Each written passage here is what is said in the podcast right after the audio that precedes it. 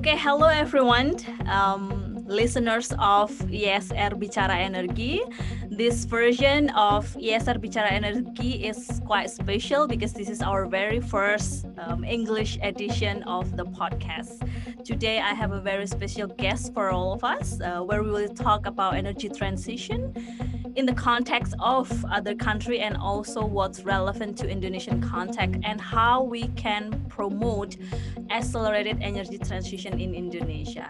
I hope you are well wherever you are now um, in this difficult situation, and I hope that you will enjoy this edition of English podcast of IESR Bicara Energi. So today I have here Thomas Capral Henriksen, the head of Energy Cooperation, Danish Embassy at Jakarta. Hello, Thomas. How are you? Hello, I'm fine, thank you. How are you? Yeah, it's great in here. I hope that you're keeping safe amidst this flood and bad weather in Jakarta. Yeah, I did. okay, good. Okay, so today we will talk about something uh, related to your work. But before that, I would like you to tell us a little bit more.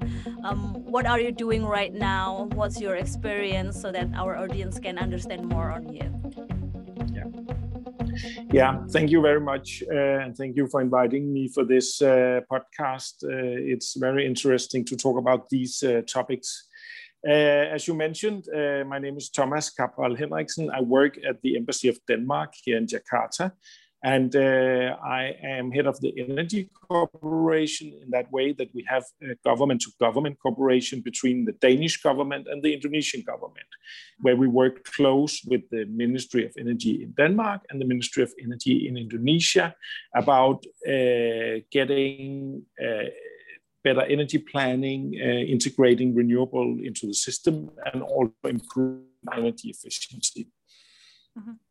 I have a background uh, where I've been consultant in um, a company uh, providing various uh, energy planning solutions. I've been uh, employed in the Danish uh, Ministry of Energy climate change.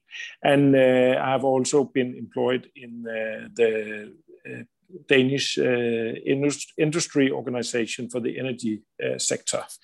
Uh, so that's my background, and I've now been working at the, the Embassy of Denmark here for one and a half year with this project.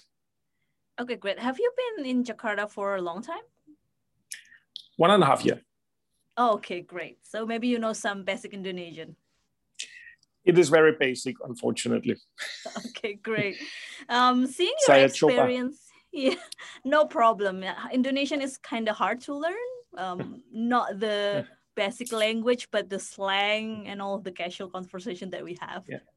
All right. Um, so talking about energy transition, um, European countries and especially Nordic countries are always being mentioned as the successful examples of energy transition, and that also includes uh, Denmark because um, as as of last year, um, the the variable renewable energy in Denmark is already more than fifty percent if I'm not mistaken. So could you tell us more on how Denmark embarked on this journey of energy transition mm. since long and why, why you have been so successful in this? Uh, as you mentioned, uh, in 2019 and 2020, it was in that way that the amount of fluctuating renewable energy in the electricity grid actually was above 50% uh, wind and solar, basically, in this uh, system, mostly wind Hmm. uh, in Denmark since we have great wind resources. And uh, still, we maintained uh, a high security of supply. The, the average outage on power in Denmark is uh, below 20 minutes uh, each year for per customer. So, so we are having security of supply uh, approaching 100%. Uh, 99.99% uh, or something like that. Um, and this is actually possible even though that we have a high share of fluctuating renewable energy sources. Mm-hmm. Uh, it is also possible to, to have some of the lowest electricity prices uh, in Europe when we look at the uh, generation cost itself and don't take the taxes into account. Uh, that's a different uh, question. Okay. Um, and, and this is actually possible, but it has been a long journey, as you also mentioned. Uh, the history of the Danish energy transition starts back in the 1970s uh, due to the oil crisis, basically. At that time, Denmark had an energy system that was almost 100% reliable on imported oil. Um, it was uh, for electricity generation, but it was also for the transport sector, of course. Hmm. Then we had uh, rapidly increasing prices on, on oil due to the oil crisis. And it was uh, figured out that it wasn't really a good situation for Denmark to be that dependent on this imported oil. So by late uh, 1970s and 1980, uh, uh, there was a large focus on energy efficiency uh, from that moment off. Mm. And also energy planning with mandatory energy planning at national and local level became a, a, huge thing in Denmark by that time. And then it was uh, the start of the renewable energy sector uh, in small scale. So during the 1980s, the energy policy through laws and various regulation was to get less dependent of oil. Mm. That meant that there was actually coming more coal into the system, and the renewable energy shares were also slowly, slowly starting to increase because there was a lot of technologies to be developed uh, before you could uh, scale up the renewable energy sources uh, at that stage. And then energy efficiency was really a key to reduce the demand uh, during the, the 1980s. Okay. For, for supporting the renewable energy at that time, uh, such things as, as feed-in tariffs for, for wind turbines were introduced uh, to stimulate a market. All right. Then we move, moved up to a, a period in the 1990s where uh, a lot of natural gas were introduced to the system to replace some of the coal. And also, you were getting more scale on the renewable energy, the wind turbines. Uh, there was still uh, feed in tariff support in the 1990s mm. for, for having these things. And also, some of the bioenergy sources and waste to energy solutions were, were strongly improved during the, the 1990s. Okay. In the um, yeah. I'm sorry. Um, you mentioned yeah. about energy efficiency because I think that's the low hanging fruit to do in a way that you want to hmm. control mm. the demand, not from the supply side. Um, how is it working so well in Denmark? Because I don't think that it's easy to tell people to conserve energy, or is it in the form of policy or incentive or standard, mm. probably? Mm. It is all of it basically it is standards for, for new buildings. It is um, also regulation when renovating buildings, uh, types of recommendation mm. or mandatory uh, uh, standards for, for new windows and so on. So you have the isolation there. It is uh, actually also a taxation matter. There were for, for households high taxes on electricity use simply to reduce the demand during that time. Mm-hmm. Uh, and it was uh, also a matter of making voluntary uh, agreements with the big industries on how to get into a system where they would save energy right. on a voluntary basis. Mm-hmm. Energy efficiency is a long, low-hanging fruit, often economically, but often it also requires that uh, a lot of awareness and uh, that you you actually uh, find out what are the solutions and uh, engage people and industries in uh, reaching these uh, low hanging fruits. Mm-hmm. Um, so, so so that has been a, a large part of this transition to keep focus on the energy efficiency during the whole period of time.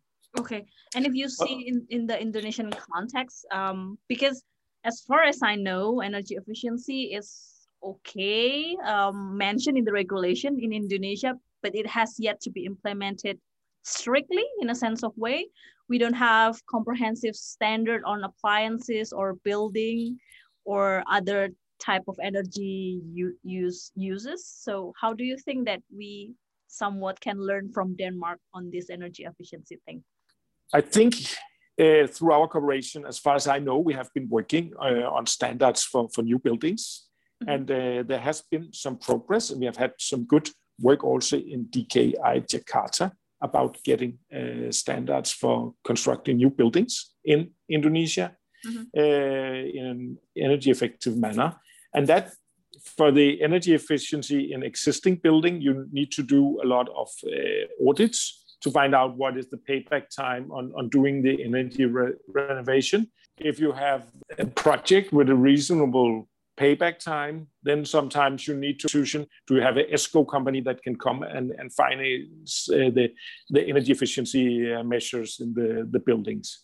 Yeah. But that can save a, a lot of energy.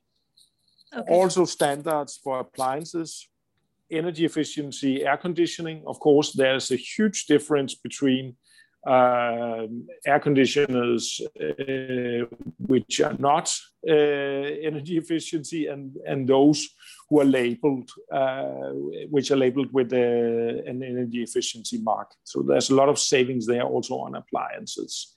And that has also been in Denmark a whole period of time, uh, more energy efficiency uh, on appliances like refrigerators and, and so on. Yeah. Okay, good. Yeah, we're talking about the demand side. Now let's get back to the supply side because you were talking about how to increase significantly the portion of renewables in the Denmark's power system.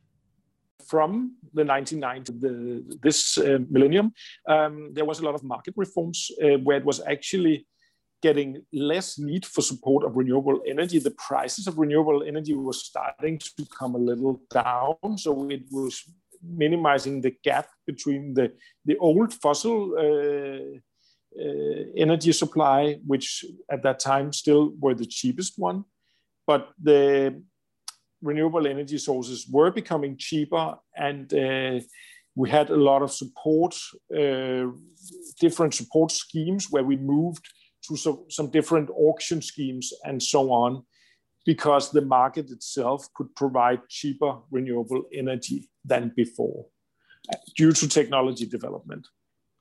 So in the from 2010 and onwards, the system in Denmark has actually been very much on uh, large scale uh, renewable energy auctions. There has still been some feed-in tariffs, but the movement towards on the huge renewable energy projects has really brought renewable energy up in volume, big scale projects, economy of scale, and brought the price down uh, at the same time. And still, there has been focus on uh, energy efficiency. And these things together has actually made, if you look back to 1990, which is like our base year uh, in our uh, climate ambitions, the reduction of greenhouse gases in 1990 uh, until now has been about 40%. And uh, the economic growth in the same period of time has been 60%. So that means that we have actually decoupled the emissions and the economic growth uh, during this period. Mm-hmm. So now uh, Denmark aim for the next target, which is a greenhouse gas emission reduction of 70% uh, uh, in 2030 compared to uh, to 1990. Um, and and it's not becoming easier. I mean, you are talking about the lowest hanging fruits. Now we come to the transportation sector and the agricultural sector, and it's not it's not the low hanging fruits anymore. Of yep. course, we can do a lot on uh, electrification of, of, of, vehicles, and, and we do so. But uh, it's it is challenging, and uh, we need to to find the the right solution to to go a, a step further. But uh, we believe it's possible. Um, so um, so we hopefully can benefit from uh, the technology development that has uh, been uh, for all these technologies over the past uh, 20 30 years. Yeah. Okay. Um, because i think that um, indonesia is heading into similar direction like uh, we're starting small and very slow i have to say. And you mentioned that earlier in the development of energy transition in denmark then the government should provide a lot of support such as with the feed-in tariff and also um, supportive policies for the development of renewables. Do you think that it is it will be also the same as in Indonesian context? I think uh, time uh, has been working on your side. I think you should also uh, accelerate the renewable energy market now, but much of the technology development and the recent years radical drop of prices uh, on renewable energy is really something that Indonesia can benefit from, and that you can uh, do a lot of leapfrogging in that way that you you use the technology that has been developed and then go into some projects which are uh, at a much lower level uh, cost related uh, when it comes to the renewable energy. Mm. Um, for instance, to give an example here, um, the development in the, the, the solar industry has been very rapid and the, the price has declined significant during the past 10 years. Yep. So also now I hear that um, the last tenders for photovoltaics utility scale in Indonesia, the price comes down 3.7 US cent per kilowatt hour. If yep. you just compare that to a new coal-fired power plant, it's definitely cheaper if you compare it to an existing coal-fired plant, power plant, it may even be cheaper than just the variable cost of purchasing coal and doing the running operation and maintenance cost. Mm-hmm. So that means that the market conditions have changed significantly in that way that if buying renewable energy projects uh, cheaper than just the running cost of the fossil alternatives, then it's just an economic benefit to do these projects. And with the resource potential for renewable energy in Indonesia, I think actually an, a, a quite green um, energy transition in that way that you maybe keep your existing coal-fired power plants, but for, for new capacity, really mainly focus on renewable energy sources. I think I believe that should be possible. Mm-hmm. If okay. uh, last week I attended uh, another uh, conference, uh, and uh, also I could hear the figures from uh, Ministry of Energy and Mineral Resources itself, the Minister Pa Arifin Tasrif. he mentioned some of the figures on the potential for mm-hmm. renewable energy in Indonesia, and alone some of the, the, the fuel-free sources, such such as geothermal, hydro, solar, and wind, they account for like uh, 360 gigawatt potential compared to an electricity sector in Indonesia today, which actually has a total capacity, renewable and fossil fuels together, under 100 gigawatt today. Yep.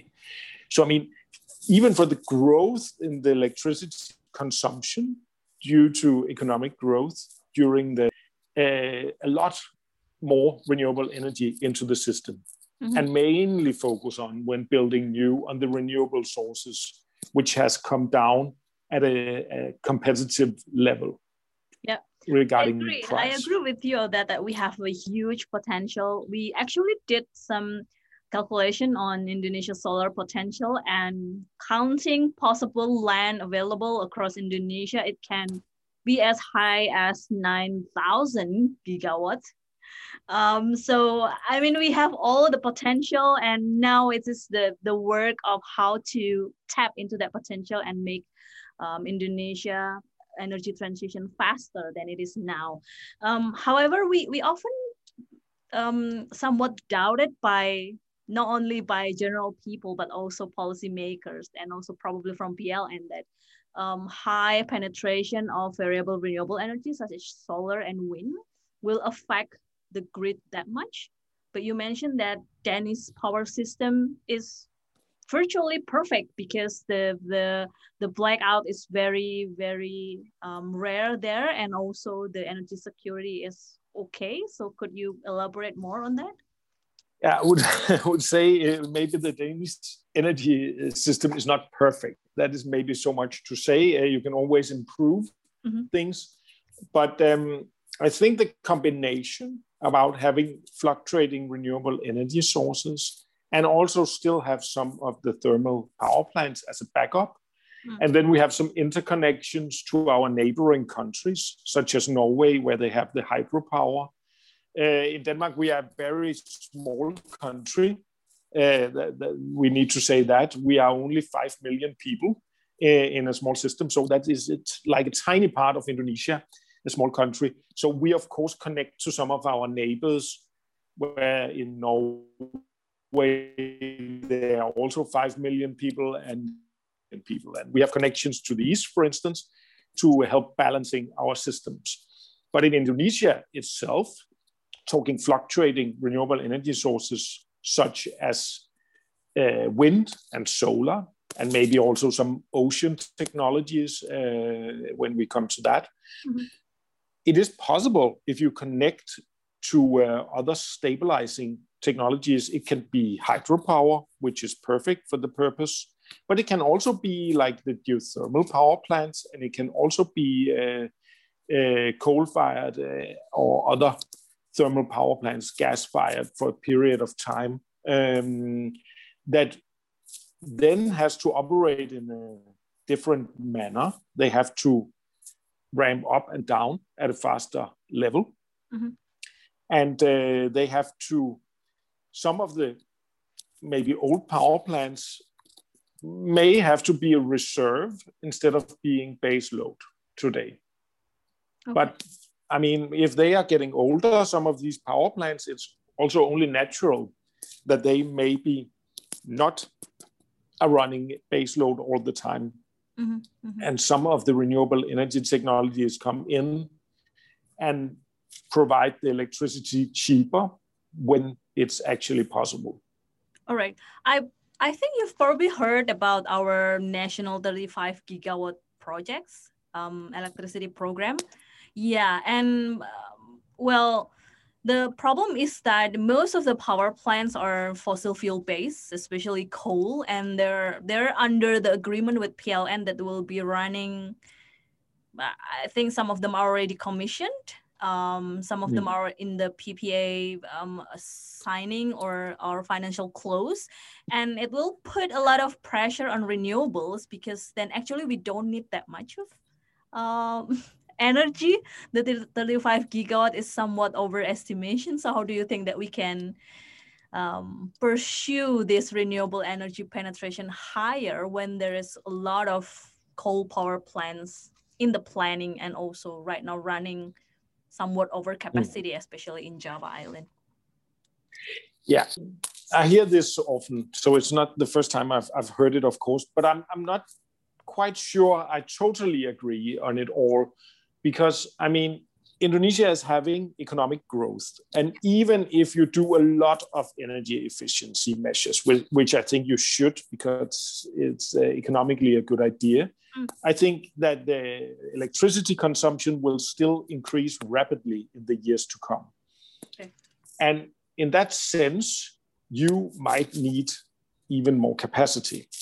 And instead of building new coal fired power plants, apart from those which has already been built, mm-hmm. it may be a very good idea to look into what are the renewable energy prices and could we construct renewable energy. If deciding on more coal-fired power plants, the situation might very well be ending up with some stranded assets because the price on photovoltaics is not increasing again. It's going, going down, down, rapidly. It, it's becoming even cheaper.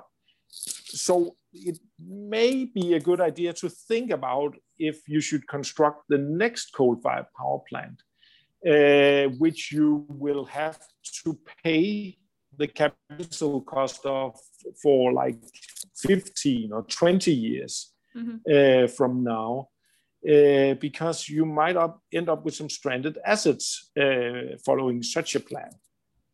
So it could be a good idea maybe to make a, a stop up take a, a revision to see um, is it necessary to build more coal-fired power plants, or could you imagine a system where you um, focus on building new, renewable energy, uh, mostly of the new capacity for uh, reserve it for renewable energy, and then use the existing capacity uh, of coal-fired power plants, uh, also for backup and for balancing and these things, you will also need when the renewable energy is there.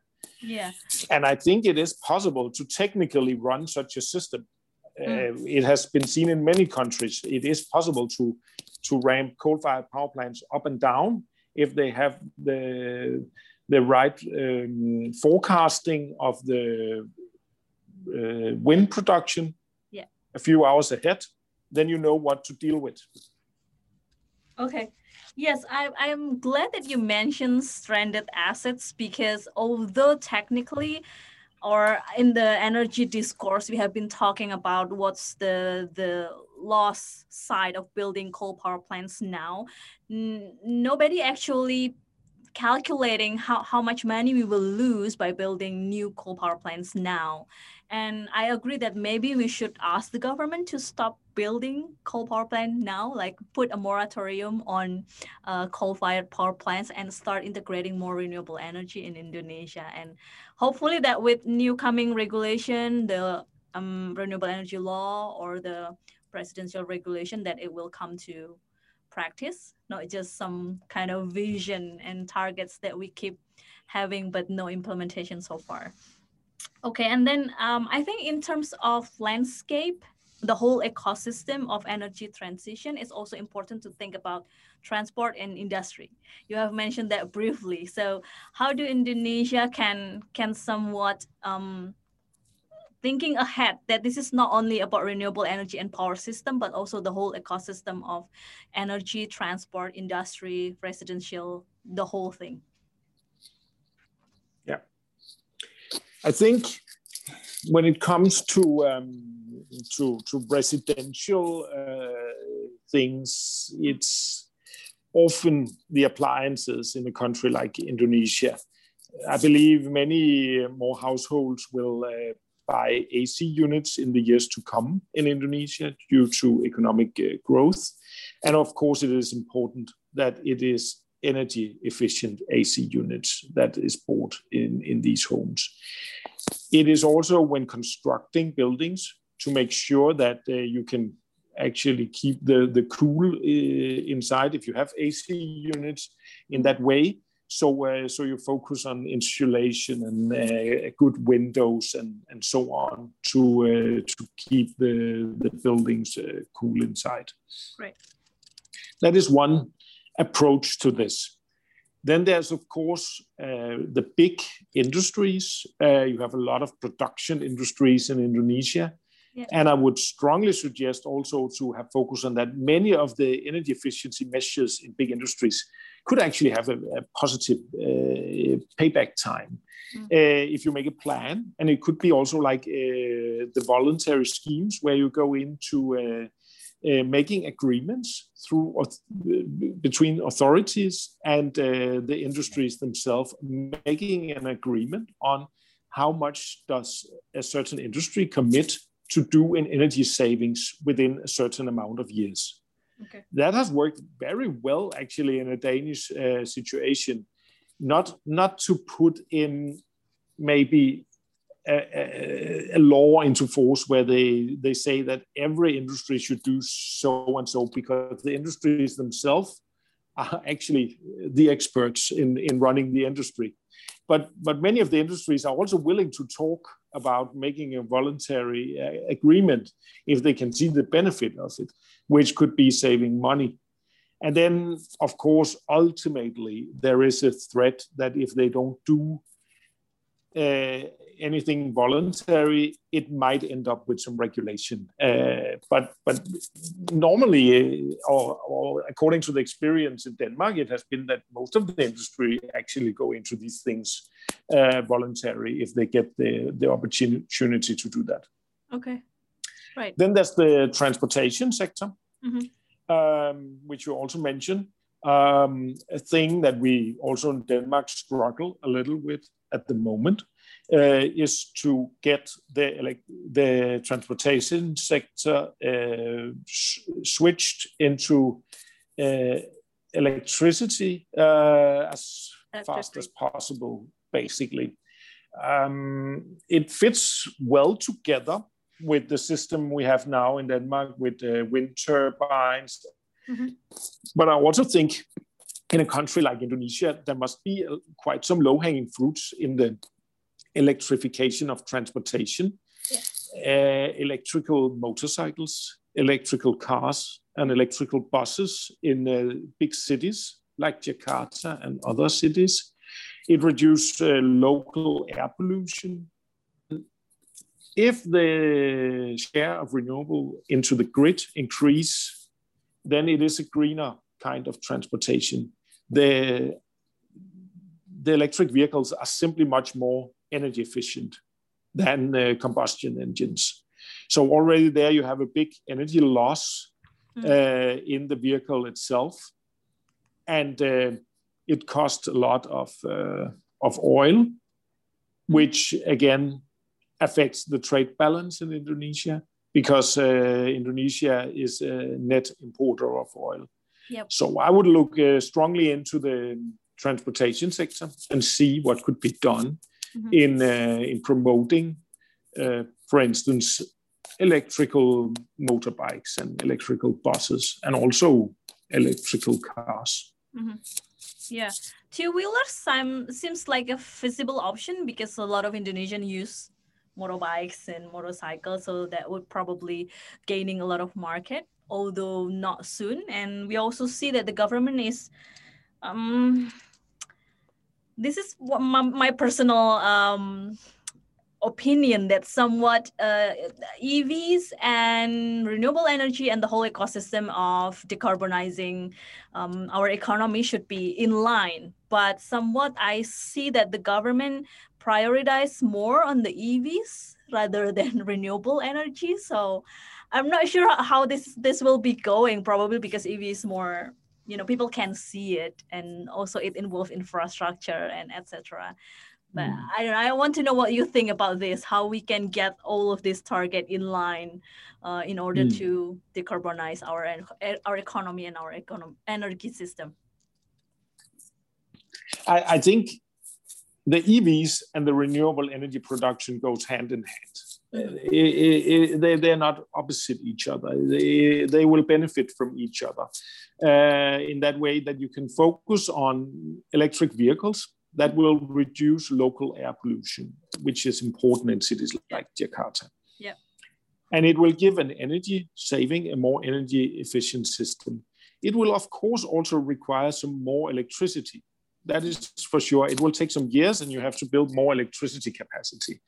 But you can do that with the renewable energy and you can provide actually the, the, the cheaper uh, renewable energy mm-hmm. either now or in a few years. The, the, the history about that renewable was the expensive source, I think that is coming to an end. The renewable will become the cheap source of energy.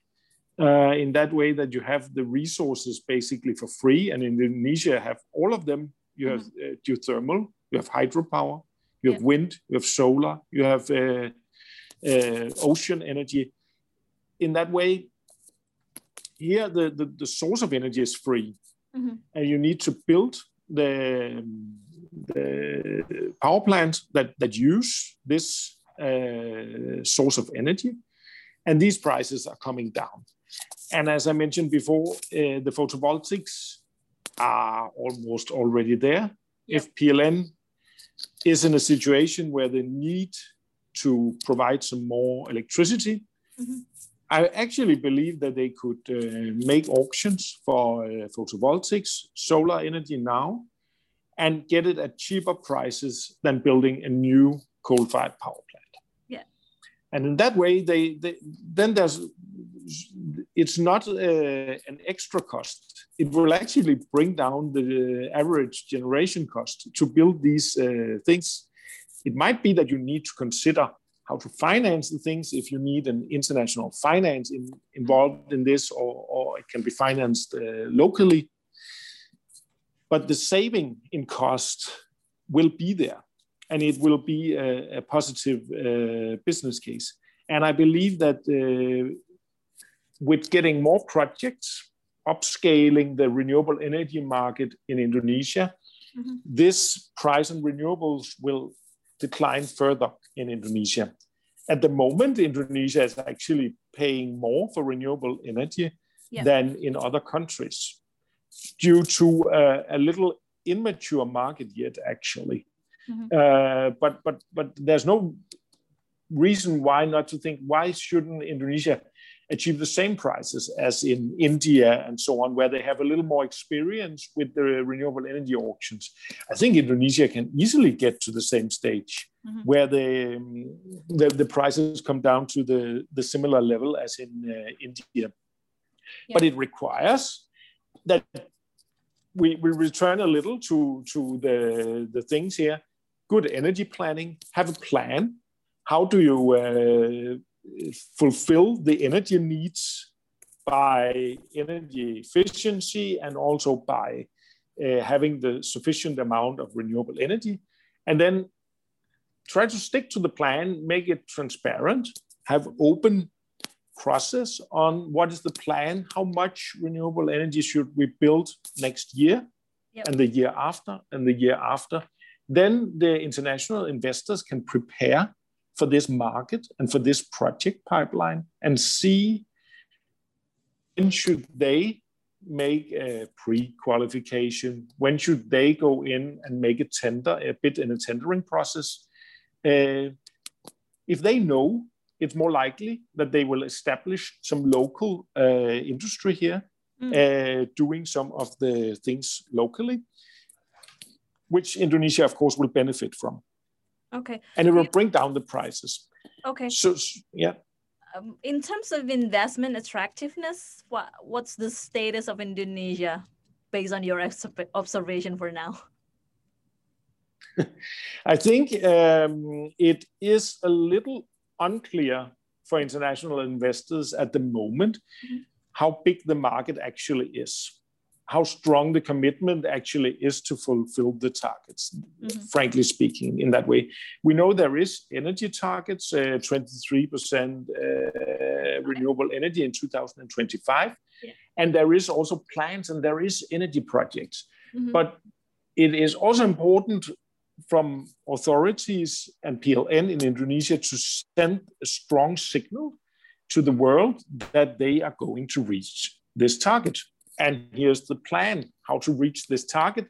That means in that year, we will have like a tender of uh, that many megawatt solar, that many megawatt uh, wind power, and so on to achieve the target. And then you, as an investor, are quite confident that okay, if if that's the plan, if uh, you actually can see that all the deadlines and the deadlines for pre-qualification and tendering process that uh, PLN they actually do these things, then then you are much more confident in the market uh, as an investor. Okay. Okay. So I think these things are are quite important to um, to improve and keep uh, focus on yeah. to get the, the lower renewable energy uh, prices in Indonesia as well. And then I, I believe it should uh, basically be possible. Um, yeah. You, you're very kind in saying that our investment attractiveness is unclear. Though I've heard like, you know, it's, it's not good, it's bad, it's somewhat not friendly to investor. But um, listening to how you explain that, what, what the investors needed our strong signal um, target clear target and how they will achieve that. So that's that's something that we need to push more to the government. Um, we've heard that this year the um, our general energy planning will be revised and we hope that it will include uh, at least the same amount of renewables if not more. Um, this year is also the House of Representatives. They plan to finish the renewable energy law and the presidential regulation we have yet to heard anything um, from the government how they will finish this. Uh, but we we really want that 2021 will be the year that we finally take off with our energy transition in indonesia. And for the last questions um, i think we've talked quite for some time. It's very interesting to talk about this matter. So um, what what what what's in your mind if you say that we only have five years left in Indonesia to achieve our target? Um, but also there is an ambitious pledge that we have made to decarbonize our economy and our energy system and how the Denmark Indonesia cooperation can contribute to how we accelerated our progress this far. Yeah, thank you. Um, I, I believe that still keeping focus on energy efficiency is important in that way that uh, as we mentioned uh, talked about much much of uh, the projects in energy efficiency are low hanging fruits yeah.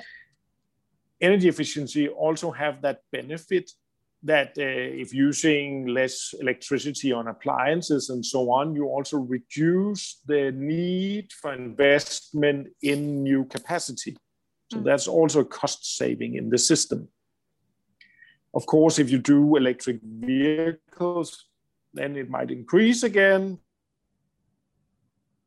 Anyway, that is uh, another saving that you don't have to buy oil, uh, expensive uh, oil, and instead can use uh, other energy sources. Yeah. Yeah. So energy efficiency is of course in focus, and we will also focus on that in our energy cooperation between Denmark and Indonesia in the next five years. Great. But then it comes down to what I think is very important have good energy planning. Make a plan. I mean, five years is not much, mm-hmm. but something is doable. And it is actually doable to construct wind turbines, photovoltaics, and so on within five years. But you also need to know what how to achieve the target and uh, how many megawatts where in the country you uh, expect for the next five years. Okay.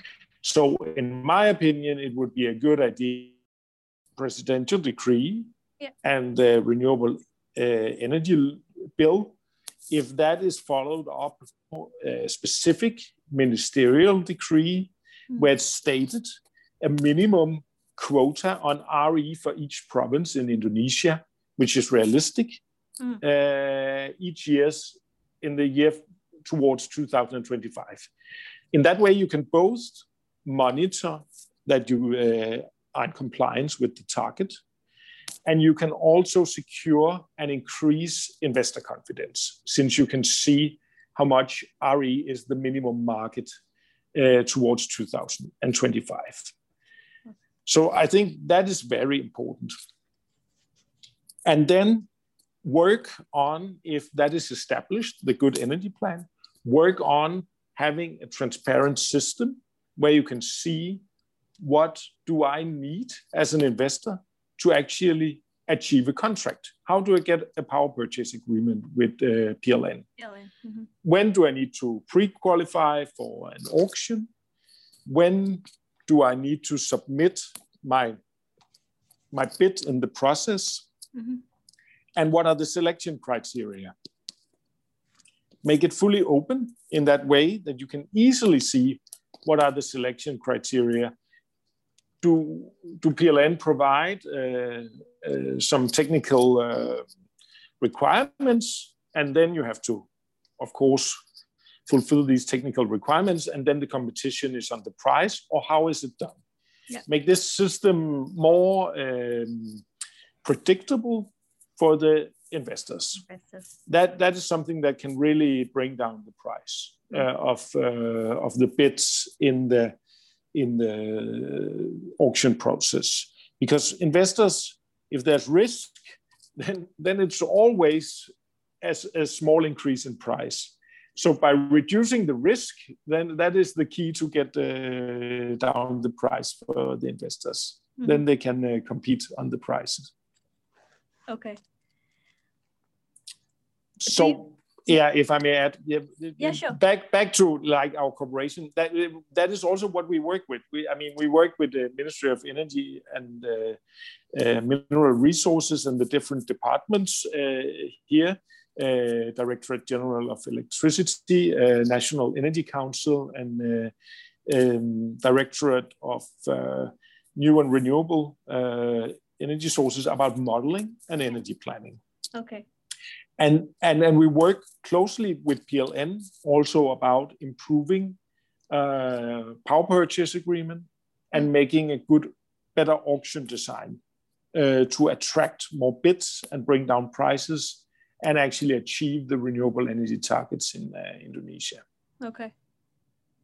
Nice. Um, one question What do you think is the most important thing we have to prioritize in order to make this work for now? That's a good question. Um, I, I, I really think that um, a, a, very good plan uh, that is aligned between PLN, the ministries, and other stakeholders on exactly how to achieve the 25% in 2020, uh, 23% in 2025 is a key to progress. Mm-hmm. And then you could also uh, start to consider uh, a plan from 2025 until 2030. You mentioned yourself it could be a stop for coal. Maybe it's not an entirely stop for coal, but it could be thinking on how much new coal capacity do we actually need in that period of time to meet the increasing energy needs for the population? Because that must be an important question to know about. So you, in the long run, don't end up with stranded assets and a system that is more expensive that, than it actually had to be. Mm-hmm. Okay. Um, I think I really want to hear from the government how we will have this new energy plan, somewhat the, the grand strategy of energy, and also the coal phase out. Um, I'm I'm really waiting to the government to actually say that okay, we will stop building new coal power plants and we will cease the operation of old power plants. Although that the I think the minister several times mentioned that the old coal power plant in Suralaya will be replaced by solar farm um, we hope that's that's also a sign from the government that they're serious about pursuing renewable energy target and energy transition in Indonesia. So thank you, uh, Thomas, for this conversation. I learned a lot, um, and I hope that these points you made about how Indonesia could learn from Denmark's experience and also how we can continue to be more ambitious in pursuing our renewable energy target and energy transition can be implemented well during these five years and also post pandemic situation. I really uh, hope that um, the green recovery can manifest soon in indonesia and i hope our listeners here can also benefit from listening to our conversation today about energy transition thank you again and i hope that you stay safe healthy and well uh, wherever you are and i hope that denmark and indonesia can always extend the cooperation to for more greener earth and also decarbonize the earth together. Okay, listeners, thank you for tuning in for our English edition, very first English edition of IESR Bicara Energi. I hope you all can benefit and also take something useful from this conversation. And if you have any comments, inputs, or proposal for the topic that we should talk in IESR Bicara Energi for the next edition of the podcast, kindly reach us reach us through our social media, Instagram at iesr.id, also Twitter at iesr. See you again soon. Bye bye.